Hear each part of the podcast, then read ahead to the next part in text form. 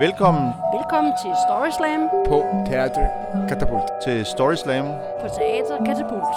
Story Slam. på Teater Katapult.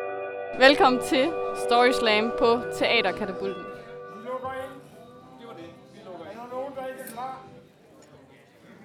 Året er snart omme. 2015 er tæt på at være fortid, og vi kan åbne op for 2016 og se, hvad det bringer med sig af overraskelser. På samme måde så er Teater Katapult Story Slam ved at lakke mod enden, altså for i år. Om lidt så skal du være vidne til det bedste af det bedste. Grand Slam kaldes det også. Vi er nået til sidste etape, hvor vores modige storyslammer, der har vundet de forrige gange, er gået videre til finalen. Smag lige på ordene. Grand Slam. Det kan ikke blive mere grandiøst. Fem tidligere vindere står nu klar til at kæmpe om første præmien, der er en tur til Island for to, sponsoreret af Team Island. Er du spændt? Det er jeg. Okay, luk lige øjnene et øjeblik. Forestil dig en helt proppet sal på Teater Katapult. Hvis du ikke har været der før, så burde det være dit nytårsforsæt. Nå, forestil dig en helt proppet sal. Alle sæder er optaget. Selv midtergangen er optaget. Men du har fået en speciel plads. Helt op foran.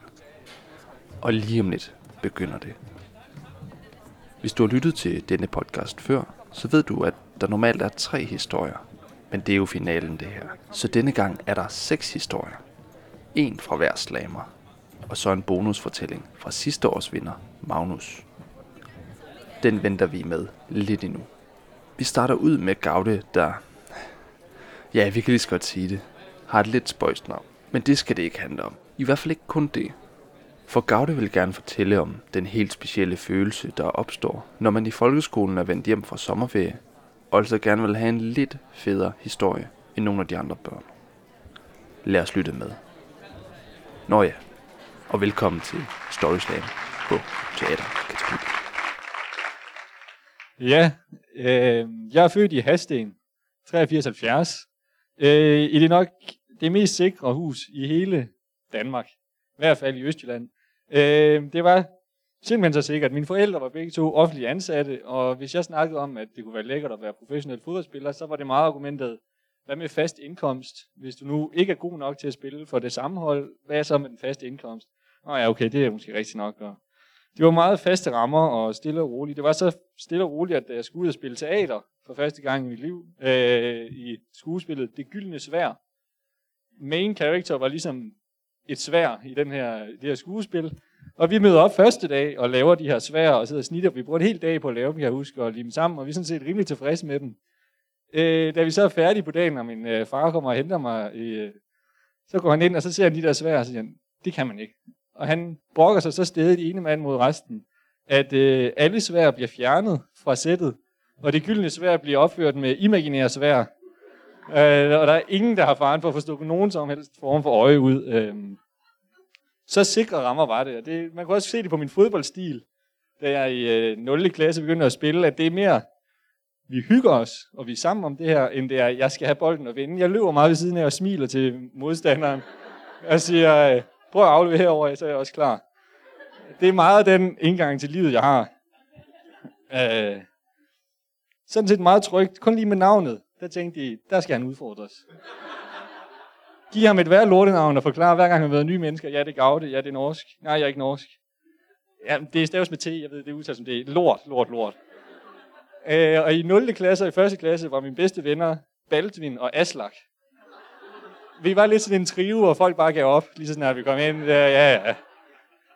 Det er fint med jer. Island, Norge, mig i røven. Var det, det var lidt den indstilling, man havde, og man skulle lige kæmpe for at komme ind. Øh, og da vi så får sommerferie i anden klasse, vi skal egentlig ikke noget i den sommerferie. Vi er i Nordjylland og hygger lidt, og der sker ikke så meget. Vi ser mormor en gang imellem, og det er stille og roligt.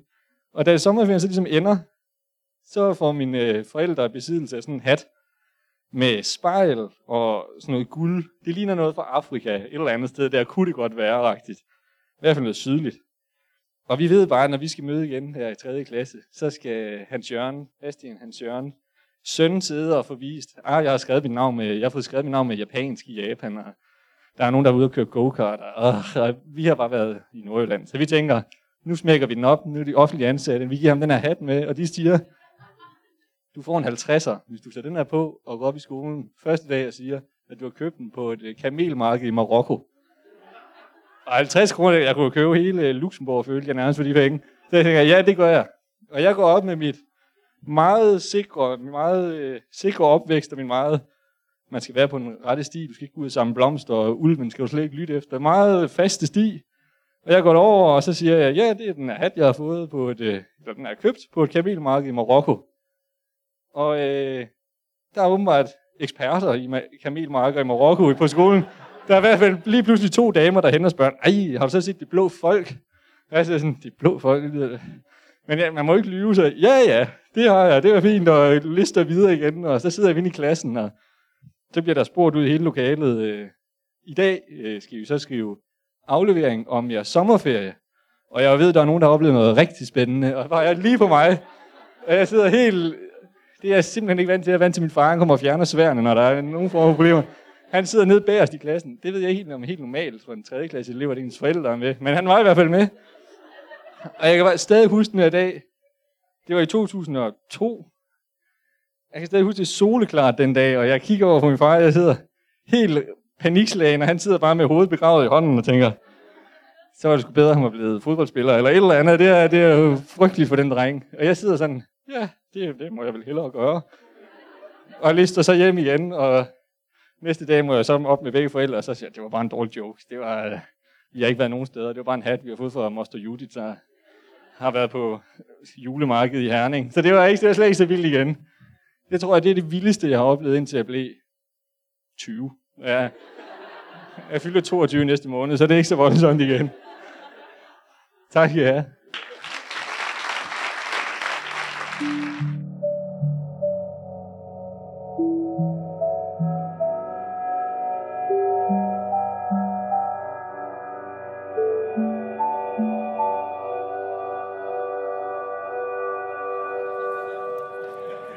Det der med at komme i problemer i folkeskolen, det, det kender jeg godt til. Ikke fordi jeg løj om en fiktiv ferie, men ja, jeg kan lige så godt sige det. Fordi jeg er allergisk over for græn. Og så kan du måske allerede forestille dig, hvordan juleperioden var for mig. I hvert fald var jeg skyldig, at den skole, jeg gik på, måtte tage al græn ned. Julen var død. På grund af mig. Jeg følte mig ærligt talt rimelig upopulær. Men det styrker karakteren, som Stens far fra Sten og Stoffer siger. En anden, der nok har følt sig ret upopulær, er Magnus, vores bonusslammer til Grand Slam, der altså var der for at fortælle en historie, mens stemmerne blev talt op. Magnus' historie finder sted under Bodil, stormen Bodil.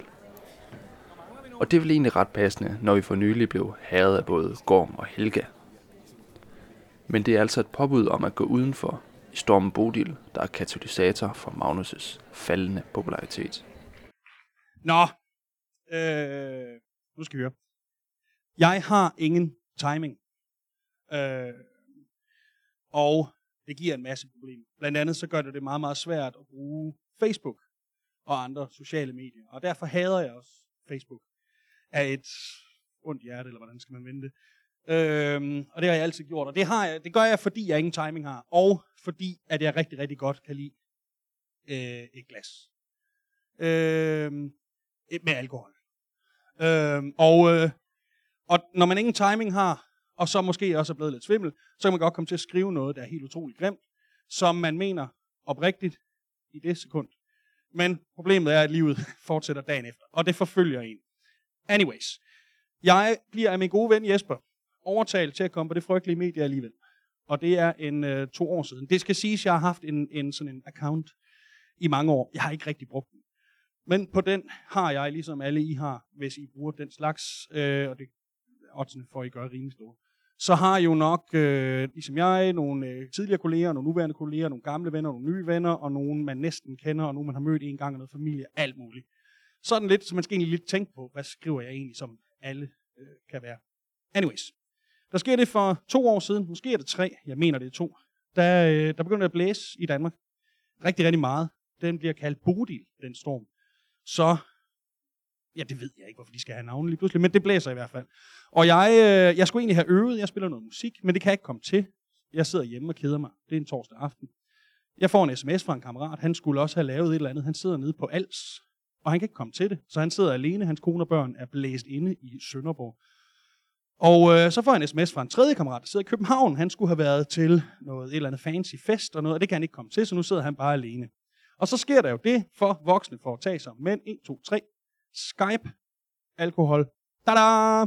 Så vi tre, vi sidder, så vi tre gamle venner. Vi ses ikke særlig tit længere. Vi bor lidt, lidt bøvlet i forhold til hinanden. Så sidder vi der og pimper og hyggesnakker. Og det er fandeme sjovt. Vi har det virkelig, virkelig, virkelig sjovt. Det er sådan, at tonen mellem os er lidt grim. Og det er også sådan, at en af mine kammerater her, han er faktisk fra noget, der hedder Indien, som ligger herovre ved siden af. Det er langt væk. Øh, det er overhovedet ikke derfor, men vi har altid sådan, at vi har kaldt hinanden for aber. Og der er ikke noget som helst racistisk i det. Det er bare sådan, at hvis man gør noget forkert så man en dum abe. Fat det nu, din dumme abe. På et tidspunkt, der bliver, øh, der, der bliver man også så fuld, øh, inderen, at han vil til den her fest alligevel.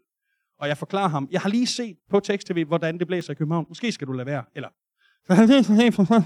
fordi jeg er meget, meget fuld. Øhm, og det er han også, men han insisterer på, at han vil afsted. Og vi kom, hold nu op, din dumme abe, bliv nu hjemme, bliv nu hjemme, bliv nu hjemme. Det kan simpelthen ikke passe. Lad nu være med det her. Og øh, han insisterer, han ringer efter en vogn. Den kommer efter to timer eller sådan noget, fordi det er ret farligt for taxaer også at køre. Og så løber han ned, han siger bare, nu er den her, og løber ud af lokalet. Lad sin Skype stå åben, så vi bare kan se. Og jeg råber, dumme abe af ham. Chatter det, øh, skriver i sin chat, dumme abe, og får lige et ekstra tryk på, så går jeg ind på min Facebook-profil, på hvad jeg tror er hans, og vil, vil skrive til ham, dumme abe. Men jeg skriver det på min egen. Øh, Jesper og jeg ringer af. Der er faktisk ingen af os, der har fået noget aftensmad. Klokken er blevet 11 om aftenen eller sådan noget, så vi bliver enige om, skal vi lige, lige toiletbesøg, aftensmad, så kan vi jo vende tilbage til den her hyggelige fest bagefter med bare os to over Skype og 200 km afstand. Så jeg går ud og øh, lader vandet. Så laver jeg noget mad. Mens jeg laver maden, får jeg en sms fra Jesper, hvor der står, din timing og jeg tænker, hmm, laver mad, øh, spiser maden, hygger mig med det, så vender jeg tilbage. Jeg sidder lidt og, og ser lidt, det var spændende, spændende nyheder. Nej, hvor er det vildt, det blæser. Hva? Og, øh, og det, det er jo fantastisk, det ser jeg lidt om. Og så øh, åbner jeg min computer igen. Jeg sidder igen med en drink. Og, øh, og så er der sket noget andet, øh, udover det blæser. Og det har jeg ikke fået med. Nelson Mandela er død. Og øh, det havde jeg sgu ikke lige fået med. Øh, fordi det er sket, mens jeg har lavet mad. Så, så på Facebook, der kan man se, altså, der er sådan et tal, hvor man kan se, hvor der, når man får notifikationer øh, om nogen, der har kommenteret noget, man har lavet. Det stiger sådan lidt ligesom sådan en, en ja, det ved jeg ikke, øh, en øh, elmåler eller sådan det, det er fuldstændig vanvittigt, så hurtigt det går med. Og jeg kan scrolle ned, og der står Rip Mandela, Rip, Rap Mandela, Rip Mandela, nej, Rip Mandela, Rip Mandela, Rip Mandela, Rip Mandela, og så midt i det hele, dumme abe. Og, og det er jo mig, der har skrevet det. Og det fortsætter hele vejen ned. Og der er så mange kommentarer derinde fra folk, der jo kun kan spørge, jeg anede ikke, du var sådan. Og, øhm, og hvad fanden mener du? Og nej, det er jo hele, det er jo hele verdens håb, der er død, og jeg ved, der ikke er alt hvad. Bottom line, så øh, er jeg en hård og ikke mindst meget fuld mand, så øh, jeg insisterer på, at øh, can't do the time, don't do the crime, så lad den faktisk bare stå. Og sidenhen er jeg blevet øh, en ivrig, ivrig Facebook-bruger, Øh, ikke fordi jeg ikke stadigvæk er uden timing, og ikke fordi jeg ikke stadigvæk bliver utrolig fuld en gang imellem. Bare fordi, how can it get any worse? Og det var det.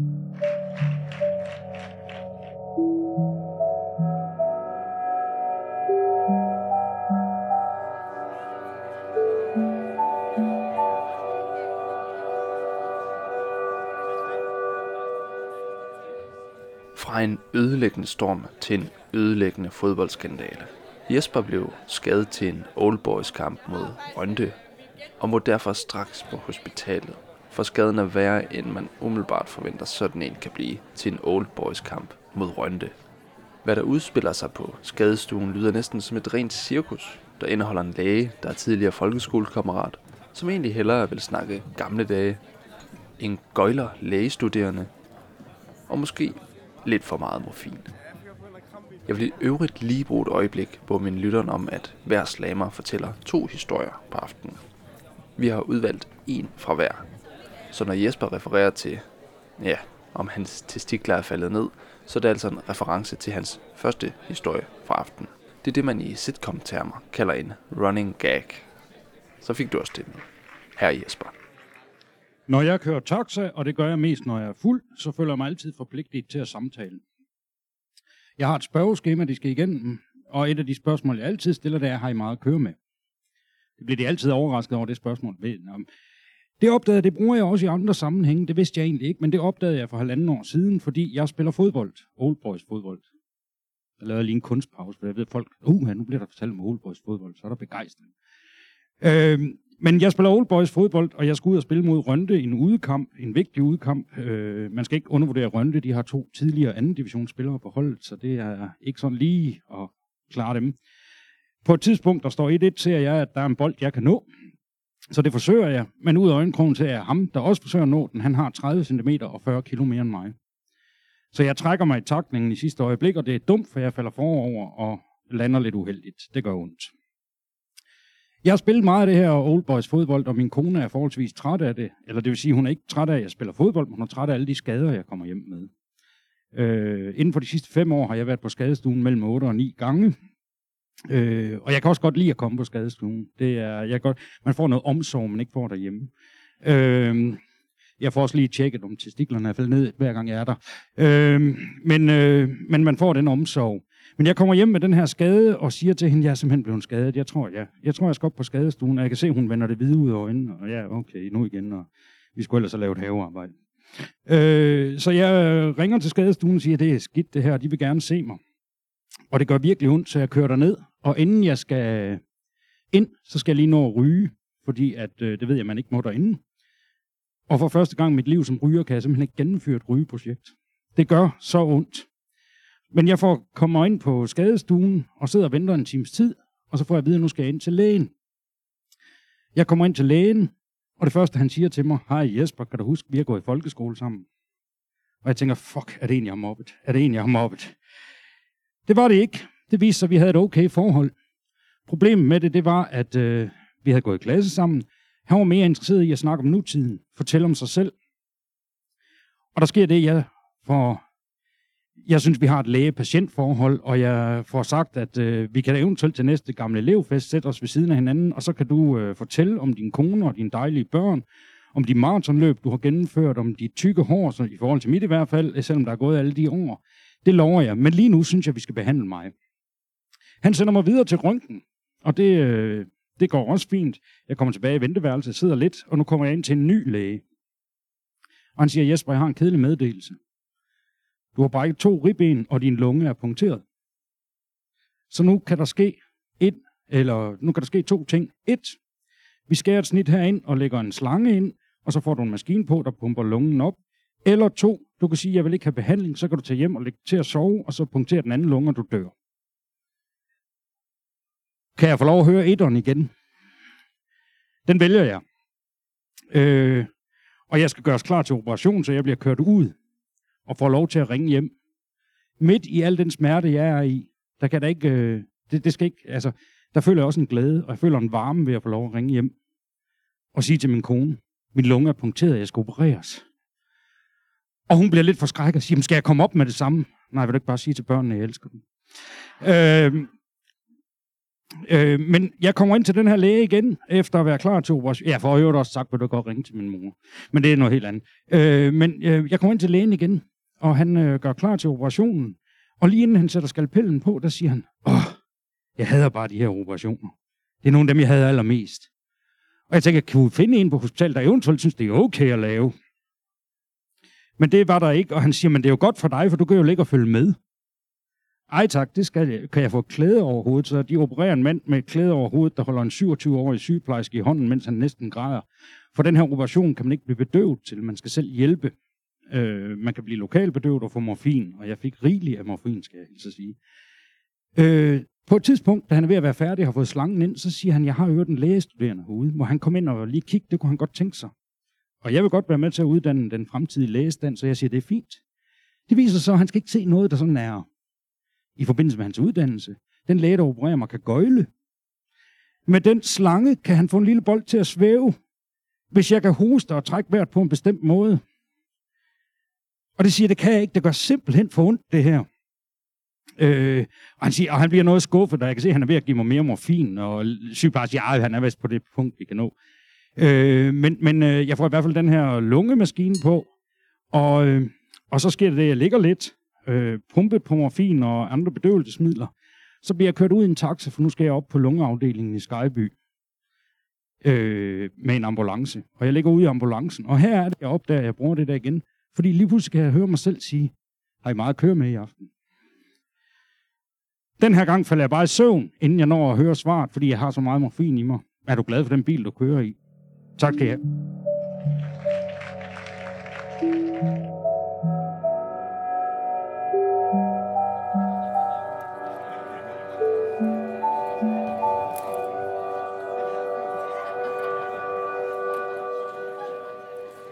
Apropos Old Boys. Thomas og hans ven får nok af at flippe burger hos McDonald's og bestemmer sig for at tage til Østrig for at blive skiinstruktør.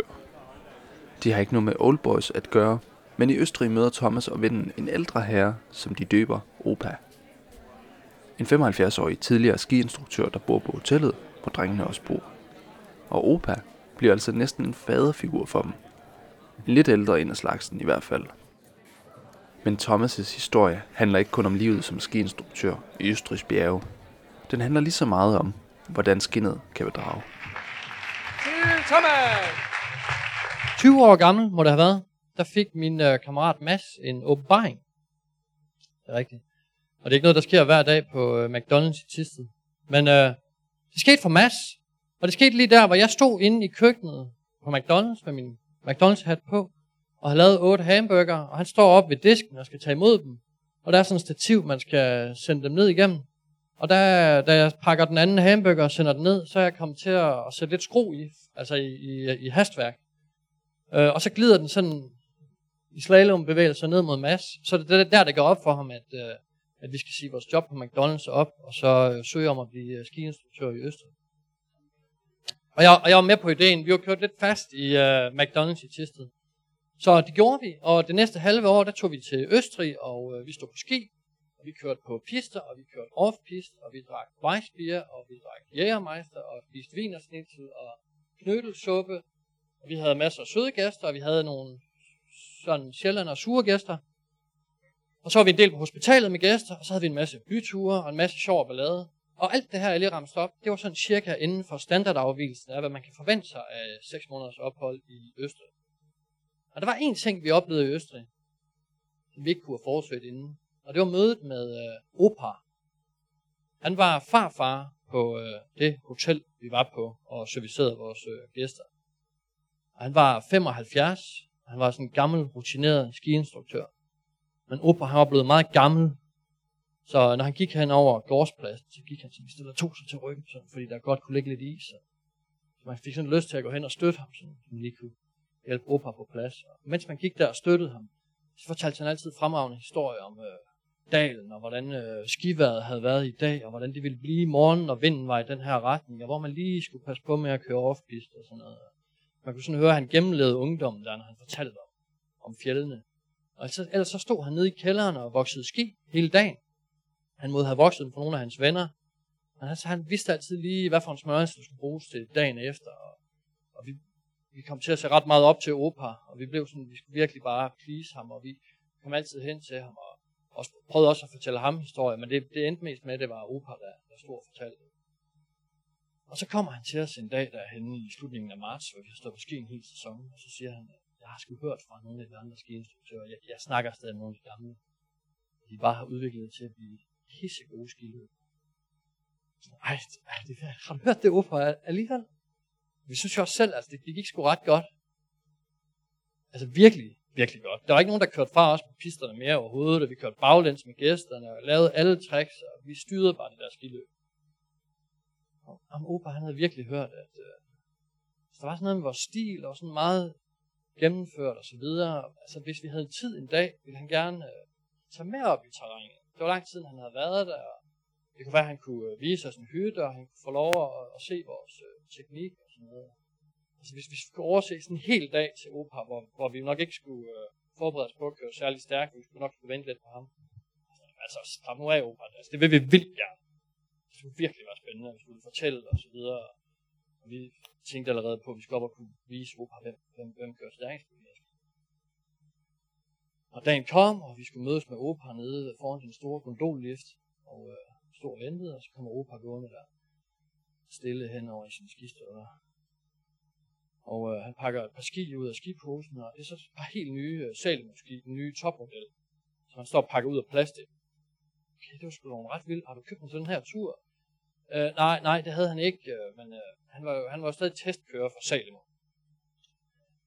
Det var, det var egentlig bare et øh, kurio- kuriosum. Det var ikke sådan øh, så vigtigt, men han havde jo den her kæmpe store skierfaring med, hvordan god præparering skulle være i hvilke typer sne og sådan noget. Så han kunne stadig sådan mærke skien og give noget kvalificeret øh, feedback fra en, øh, fra en moden herre til, til Salomon-fabrikken. Okay, jamen det, kan, det gav meget god mening. Hvor vi gondolen, og han begyndte at sidde og fortælle om fjellene og så videre, og så siger han på et tidspunkt, øh, drenge, øh, inden vi kommer helt op, skal vi ikke lige aftale, øh, hvad for en, øh, hvad for en fod øh, på hvilket bjerg vi kører ned til? Jo, vi skal kigge lidt på hinanden. Altså, der er 12 km ned op fra toppen af bjerget. Vi plejede at holde sådan minimum 12 pauser. Nej, men han synes bare, at vi skulle ikke stå og vente alle de der steder på ham hele vejen ned. Det ville vi skulle blive trætte af. Det ville han, det ville han have det skidt med. Jo, men altså, øh, lad os, lad os aftale et sted, og det giver god mening. Vi aftalte et sted, hvor det var, vi skulle mødes, komme op, og vi kørte ned, og vi skyndte os alt, hvad vi overhovedet kunne for de her ski på, for det vise op, hvem der var bedst. Og Vi susede ud over pisterne. Da jeg har slået ni sving, der overhaler Opa mig. Og min ski, de klapper, og Opa han kommer bare med den der gamle ryg, og nu virker den bare for ham hele vejen. Cruiser bare ned ad pisten, og vi kommer helt ned i bunden af pisten, og der har Opa allerede taget skien af, og vi, vores ben de klapper, for vi har aldrig kørt så langt i træk. Og Opa han står dernede, og vi kommer kørende hen, og jeg kommer til at tænke på min kammerats hamburger der på McDonald's. Vi føler os sådan lidt slatne. Og så går vi hen til ham. Og så det værste er næsten, at han ikke bare kan sige til os, at øh, ja, kom igen, drenge. Han siger, at det var virkelig en flot stil. Først da jeg så jer op bag, bagfra, man også der kunne stå hernede i god tid og kigge. Det var så fint, og vi kigger på Opa og siger, tak Opa, det skulle du virkelig ikke have gjort.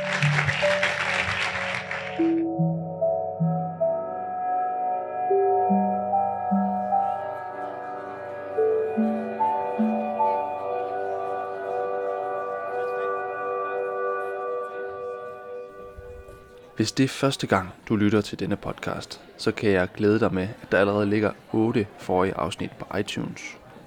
Hvis du søger på Katapult Storyslam i din foretrukne podcast-app, så skulle den gerne dukke op sammen med alle de andre. Vores næst sidste slammer er Lasse, der fortæller en lidt anderledes historie end nogle af de andre.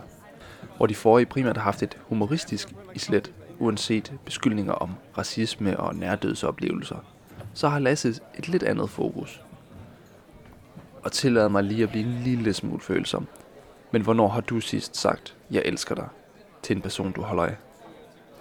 Jeg synes, vi skal lade Lasses historie tale for sig selv.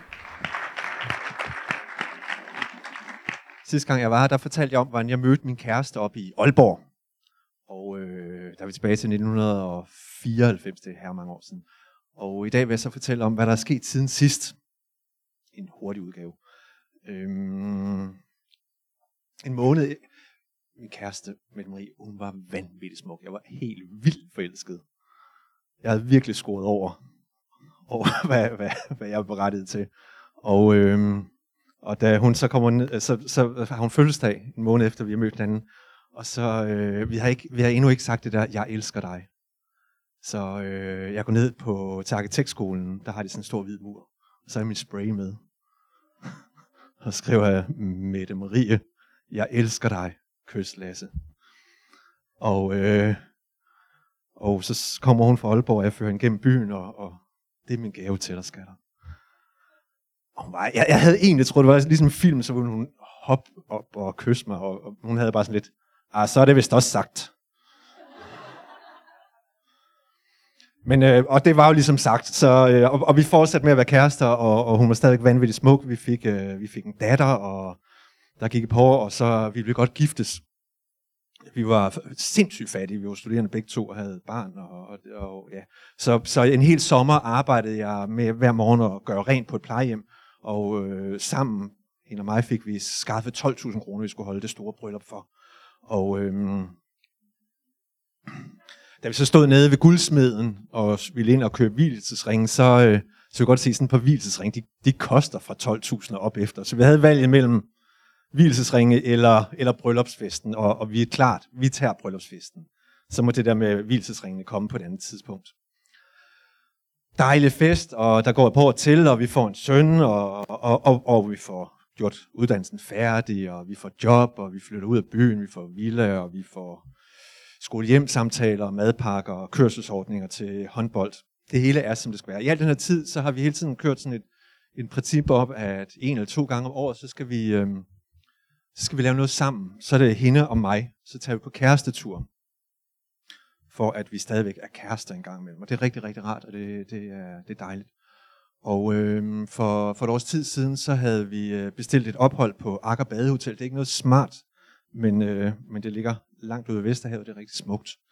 Og øh, i novemberaften kører vi af Skive Landevej op mod Akker Badehotel. Min kone hun kører, og, og jeg sidder ved siden af, og, og vi snakker om, om livet og kærligheden og skolehjemsamtaler. Øh,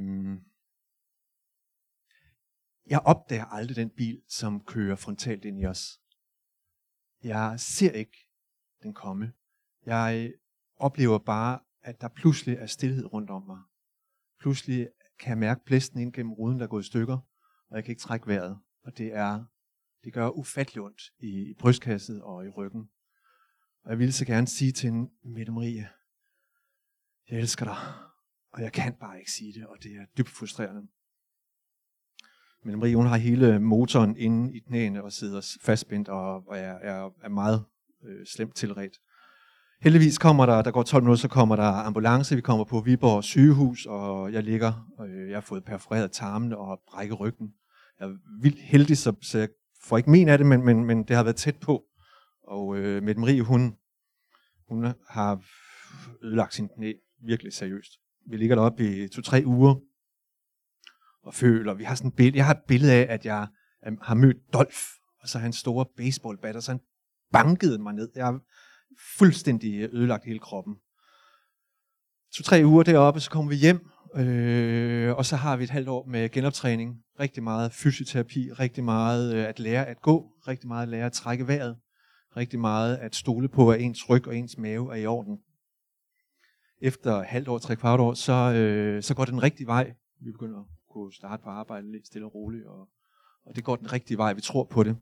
Vi tror faktisk så meget på det, at vi vælger at gå ned til guldsmeden at gå ind og købe de øh, flotteste hvilesesringe, vi overhovedet kan finde derinde. Fordi hvis du har oplevet sådan en ulykke, og sammen har kæmpet dig ud af det, så, så tror du på det. Det skal nok gå, det her. Og øh, hvis jeg havde en stor spray, så ville jeg gå ned til arkitektskolen igen og skrive, Mette Marie, jeg elsker dig. Kys Lasse.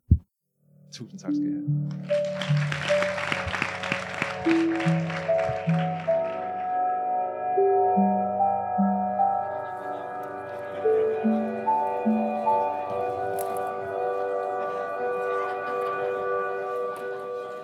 Ja, nu kan vi vist ikke trække den længere. Vi har haft historier om barndommens uskyldige løgne, om storm i et glas vand, halløj på hospitalet, overhalinger i den østriske sne, en påmindelse om kærligheden til et andet menneske, og nu er vi altså nået til aftens vinder. Christian fortæller en historie om venskab, og vi har vist alle været på det punkt, hvor man som barn har fået en ny ven, og egentlig bare gerne vil hænge ud med den ven hele tiden. Og man vil også gerne have, at den ven har det på samme måde. Altså sådan rigtig bedste venner.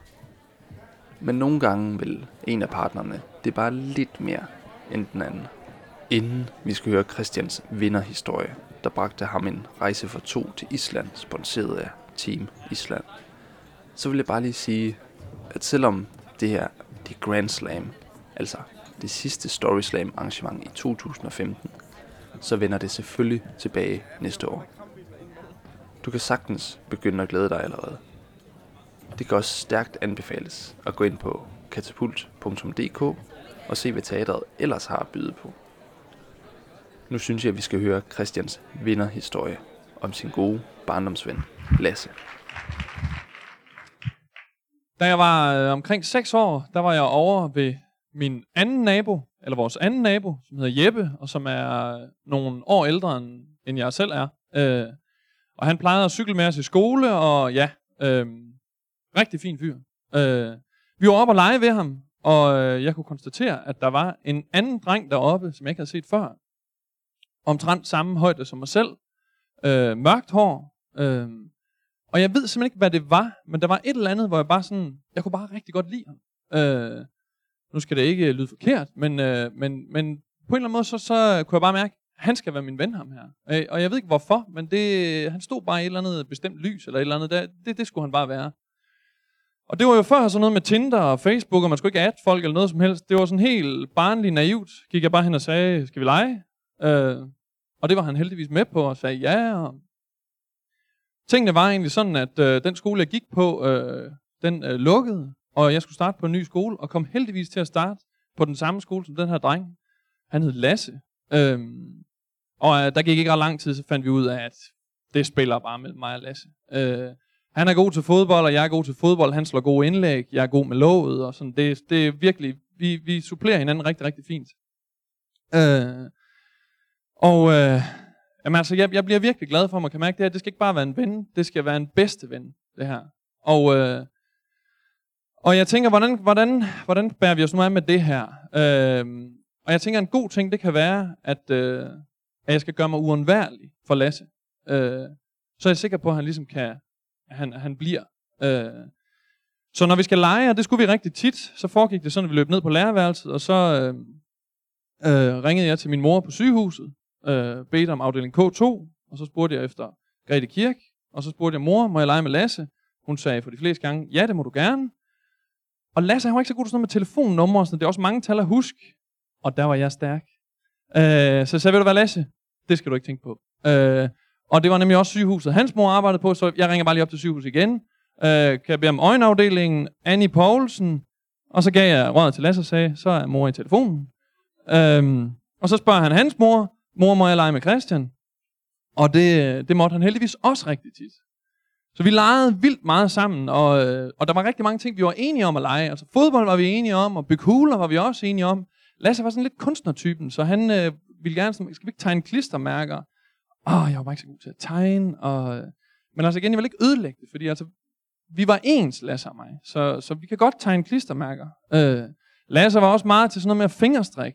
Øh, og, øh, og, og igen, jeg var ikke så kreativ, så... Øh, men igen, det handler om at gøre sig uundværlig, så jeg fandt ud af, at øh, mens Lasse han strikker, så kan jeg holde garnnøglen, og så kan jeg bare, har du brug for mere garn? For jeg ruller bare noget ud til dig, hvis det er. Øhm, og øh, på den måde, så fik jeg gjort mig rigtig uundværlig. Øh, men altså, Lasse han var ikke sådan typen, der sådan udtrykte sig i følelser og sådan noget. Jeg synes, du er en god ven, Christian. Så det sagde Lasse ikke. Øh, og på en eller anden måde, så jeg blev så glad for ham, jeg blev også sådan lidt utryg med, hvor, hvor, hvor har jeg ham egentlig henne? Så jeg begyndte at gøre sådan en ting, øh, og det kunne sagtens være til en børnefødselsdag. Jeg samler lige sådan 5-6 drenge fra klassen, og øh, bare sådan lidt casual spørger jeg sådan, hvem er jeres bedste ven? Bare for, bare for at høre. Altså, og jeg var pisselig glad med alle de andre. Jeg ville bare gerne have Lasse til at sige, Christian, oh, så havde jeg det bare godt. Men det er som om, den følelse der, den, den vil bare have mere. Ikke? Og så det blev sådan, jamen så var det ikke kun børnefødselsdag, så var også op i skolen, og sådan lige, øh, Nå, nu står vi lige her i frikvarter og spiller fodbold. Der er lige indkast. Hvem er egentlig jeres bedste ven? Øhm, og igen, Christian. Ej, jeg havde det godt. Øh, men jeg mistænker lidt Lasse, for han har på en eller anden måde sagt til hans forældre, at jeg har spurgt om det her hele tiden. Fordi en gang, hvor vi skulle til fodbold, så øh, vender Lasses mor sig rundt. Dem, der kører, hun vender sig rundt og kigger på mig så, sådan med søde øjne og siger til mig, man kan jo godt have flere bedste venner, Christian. Øh, og jeg tænker lidt, der er en eller anden begrebsmisforståelse her. Jeg tænker, bedste, det, er, det kan man kun have en af. Øh, og jeg ved ikke, om hun er misundelig eller noget, men øh, det, det, jeg vurderer, at hun ikke helt forstår det. Øh, men på en eller anden måde, så planter det sig alligevel i mig, den her utryghed her. Altså, hvad fanden er det? Hvorfor har Lasse sagt det? Altså, er han utilfreds med det, vi har sammen? Har jeg gjort noget forkert? Eller hvad sker der her? Næste dag i skolen, der bemærker jeg så, at Lasse han har en gul Puma t-shirt på. Og det kan jeg så se, det har Emil også. Og så tænker jeg, hvad fanden vil Emil nu også til at være hans bedste ven, eller hvad? Nu er det som om, de har noget sammen, som jeg ikke har. Jeg er nødt til at skæmme til mor og sige, jeg vil rigtig gerne have en gul Puma t-shirt. Øhm, det kan så heldigvis godt arrangeres. Øh, der går ikke så voldsomt lang tid, så, øh, så øh, skal vi snakke om, hvor der vi kommer fra. Og Lasse, han, øh, eller hvor vi bor. Han, Lasse, han bor på Klipmøllervej 21. Jeg bor på Jardalvej 13. Og min fætter bor på Hundborgvej 21. Jeg tænker, altså, hvad sker der her? Altså, det er folk, alle folk vil åbenbart ind nu. Øh, og kan godt mærke, det bliver nok svært at få overbevist min mor om, at vi skal flytte til nummer 21. Øh, og på en eller anden måde, så bliver jeg sådan, øh, jeg bliver fandme så utryg. Øh, og der er også noget med, jeg, jeg kan rigtig godt lide at høre Lars Lilleholdt, og det lader ikke så meget til. Han kan bedre lide Oasis, og øh, på et eller andet tidspunkt, så, så kan jeg bare mærke, at øh, altså det, det går ikke længere, det her. Jeg er ligesom nødt til at bekende kulør. Så øh, efter en matematikteam, vi har haft, hvor jeg bare har været, jeg har ikke kunne tænke på matematik, for jeg tænker kun på Lasse.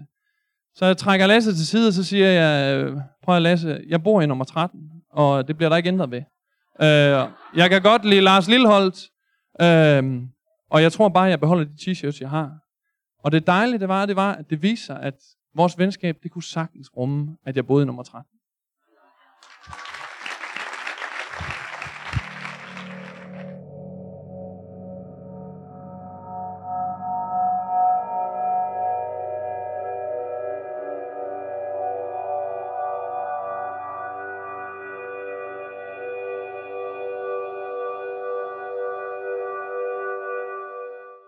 Til alle andre store prisuddelinger, så skal der selvfølgelig være en takketale. Den synes jeg lige, vi skal have med. Christian har også et lille appendix til sin historie. Og så vil jeg benytte chancen til at sige tak for denne gang. Kom godt ind i det nye år. Vi ses og høres ved i 2016. Her er Christians takketale. Øh, puha. Øh, jeg synes jeg næsten, jeg har fortalt rigeligt. Øh, jamen, øh, det ved jeg ikke. Tusind tak for dem, der har stemt. Øh, jeg kan sige som en lille bonusinfo, at øh, min øh, bedste kammerat, som stadig er min bedste kammerat, han, øh, hans forældre, de, øh, de har faktisk valgt at skifte husnummer nu. Øh, de har godt nok ikke skiftet til nummer 13, men de er flyttet hen lige ved siden af min mor, så øh, på en eller anden måde så har jeg indtryk af, at, øh, at det, det, det har gjort noget ved Lasse også i hvert fald. Så øh, jeg ved ikke, om øh, den bonusinfo kan bruges som, øh, som en lille ekstra historie. Men tusind tak i hvert fald.